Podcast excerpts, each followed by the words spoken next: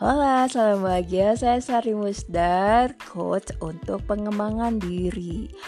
Apa sih coach itu? Coach adalah orang yang membantu untuk mengarahkan kliennya untuk bisa mencapai tujuan. Jadi bukan motivator ya yang menjual kata-kata mutiara atau kata-kata kutipan.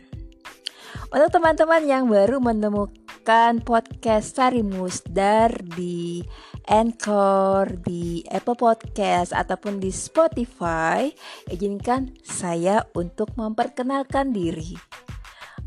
Mungkin kebanyakan orang-orang di Facebook mengenal saya sebagai penulis, terutama penulis travel dan novel Cinderella in Paris. Novel untuk perempuan tangguh, mengenal dirinya, konsep kebahagiaan, juga cerita tentang traveling. Tapi saya lebih lama bekerja di bidang manajemen SDM di berbagai industri dan kebanyakan adalah perusahaan asing. Saat ini saya lebih tertarik untuk menjadi coach bagi pribadi-pribadi yang ingin mengembangkan dirinya baik di segi karir ataupun segi kehidupan pribadi. Saya menggunakan teknik NLP, Neuro Linguistic Programming, dan juga PACE.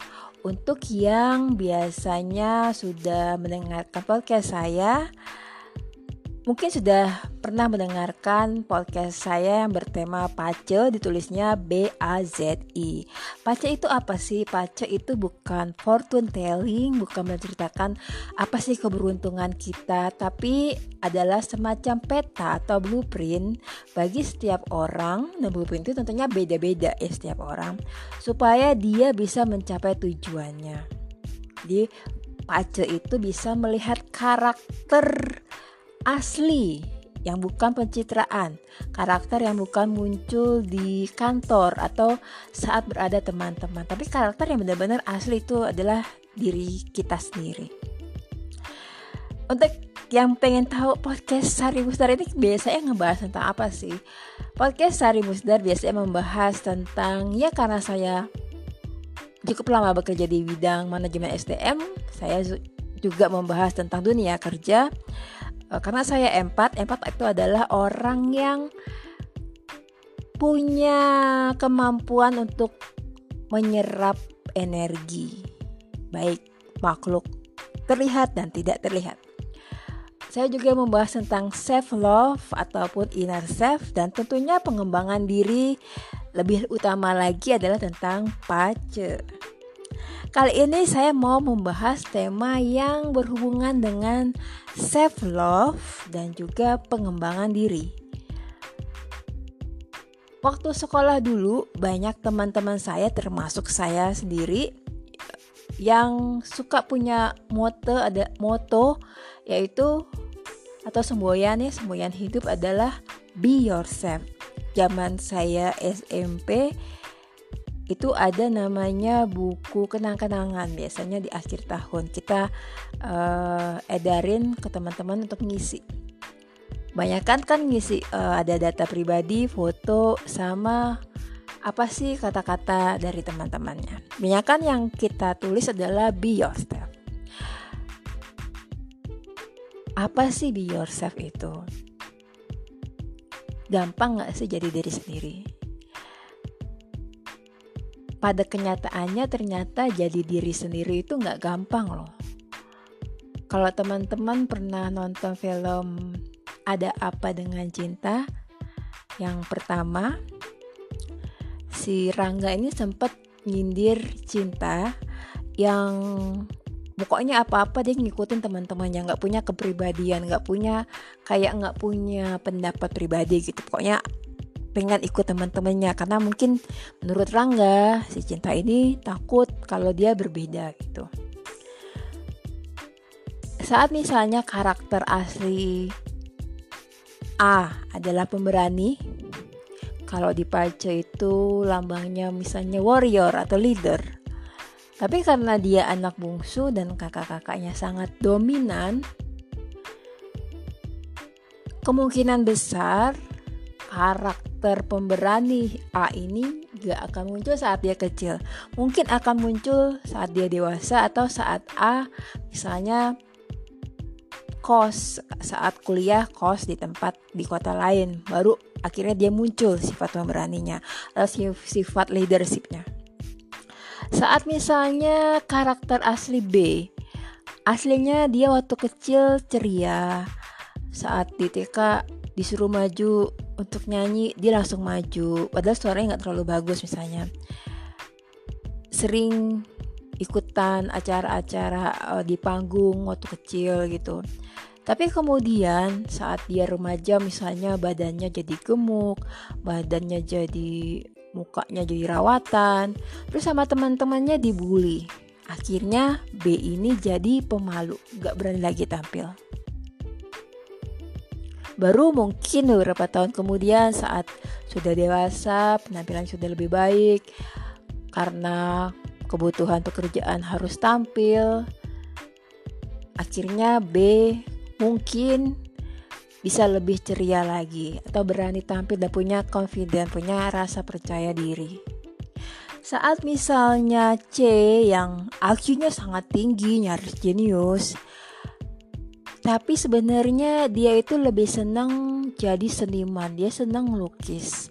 Dia juga senang misalnya senang menulis atau dia senang tampil di teater tapi karena lingkungan kita, terutama mungkin di Indonesia, memandang anak-anak yang cerdas itu adalah anak-anak yang hanya pintar matematika atau anak-anak yang waktu SMA ambil jurusan IPA. Dan saat kuliah jurusan kedok, uh, jurusan yang diambil adalah misalnya kedokteran, uh, engineering atau teknik, uh, MIPA. Akhirnya karena takut dibilang bodoh, karena takut mengecewakan orang tua. C pun memilih kuliah jurusannya MIPA atau misalnya dia ambil kedokteran padahal dia takut darah ternyata pas nyoba kuliah setahun dia nggak enjoy akhirnya dengan berat hati dia di tahun kedua mengambil jurusan yang benar-benar dia suka. Walaupun sempat dimarahin orang tuanya. Ternyata jadi diri sendiri itu nggak mudah. Karena semakin kita bertambah usia, kita semakin kurang nyaman kalau berani menonjol atau berani berbeda dari peer atau kelompok kita.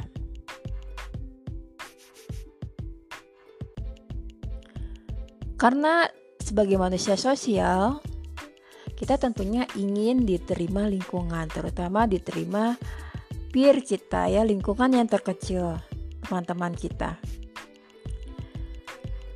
Seringnya malah kebanyakan dari kita, termasuk saya, nggak sadar dan nggak mengenal siapa sih diri kita sebenarnya, apa sih karakter kita, apa sih uh, bakat kita. Mungkin ada bakat yang tersembunyi seperti itu. Dan kebanyakan orang tua cenderung melakukan pendekatan yang sama ke setiap anak-anaknya. Padahal setiap anak punya karakter berbeda. Karakter berbeda. Terus kalau di NLP eh, cara mengambil informasi yang masing-masing beda. Ada yang visual, ada yang uh, lebih suka mendengarkan suara atau musik ada yang lebih uh, kinestetik dan macam-macam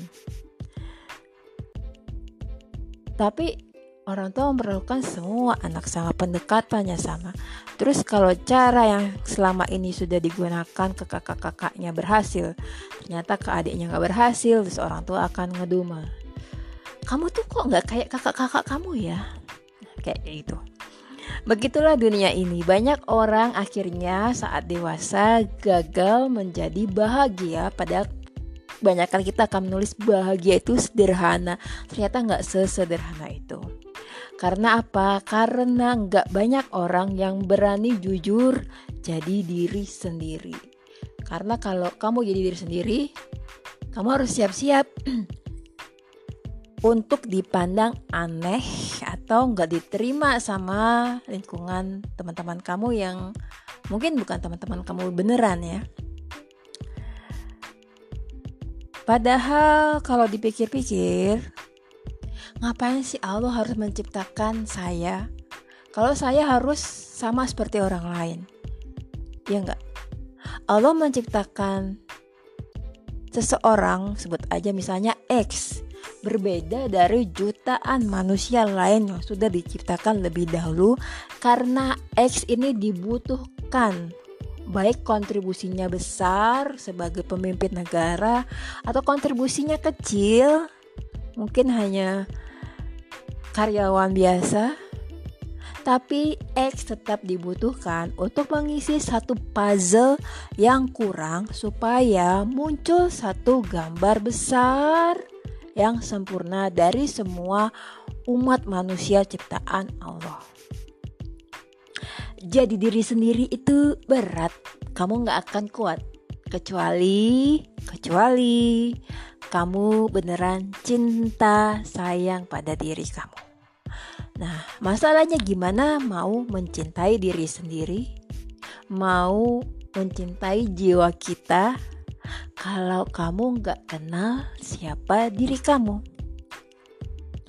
Terima kasih sudah mendengarkan podcast Sari Musdar. Semoga bermanfaat. Kalau bermanfaat, jangan lupa untuk kasih favorit, jadikan favorit podcast favorit. Atau teman-teman jangan pelit bagi-bagi ilmu, bagi-bagi informasi dengan share podcast ini melalui media sosial teman-teman. Sekali lagi terima kasih, semoga semua makhluk berbahagia. Kalau ada pertanyaan bisa kontak saya melalui direct message di Instagram saya @sarimustar. Terima kasih.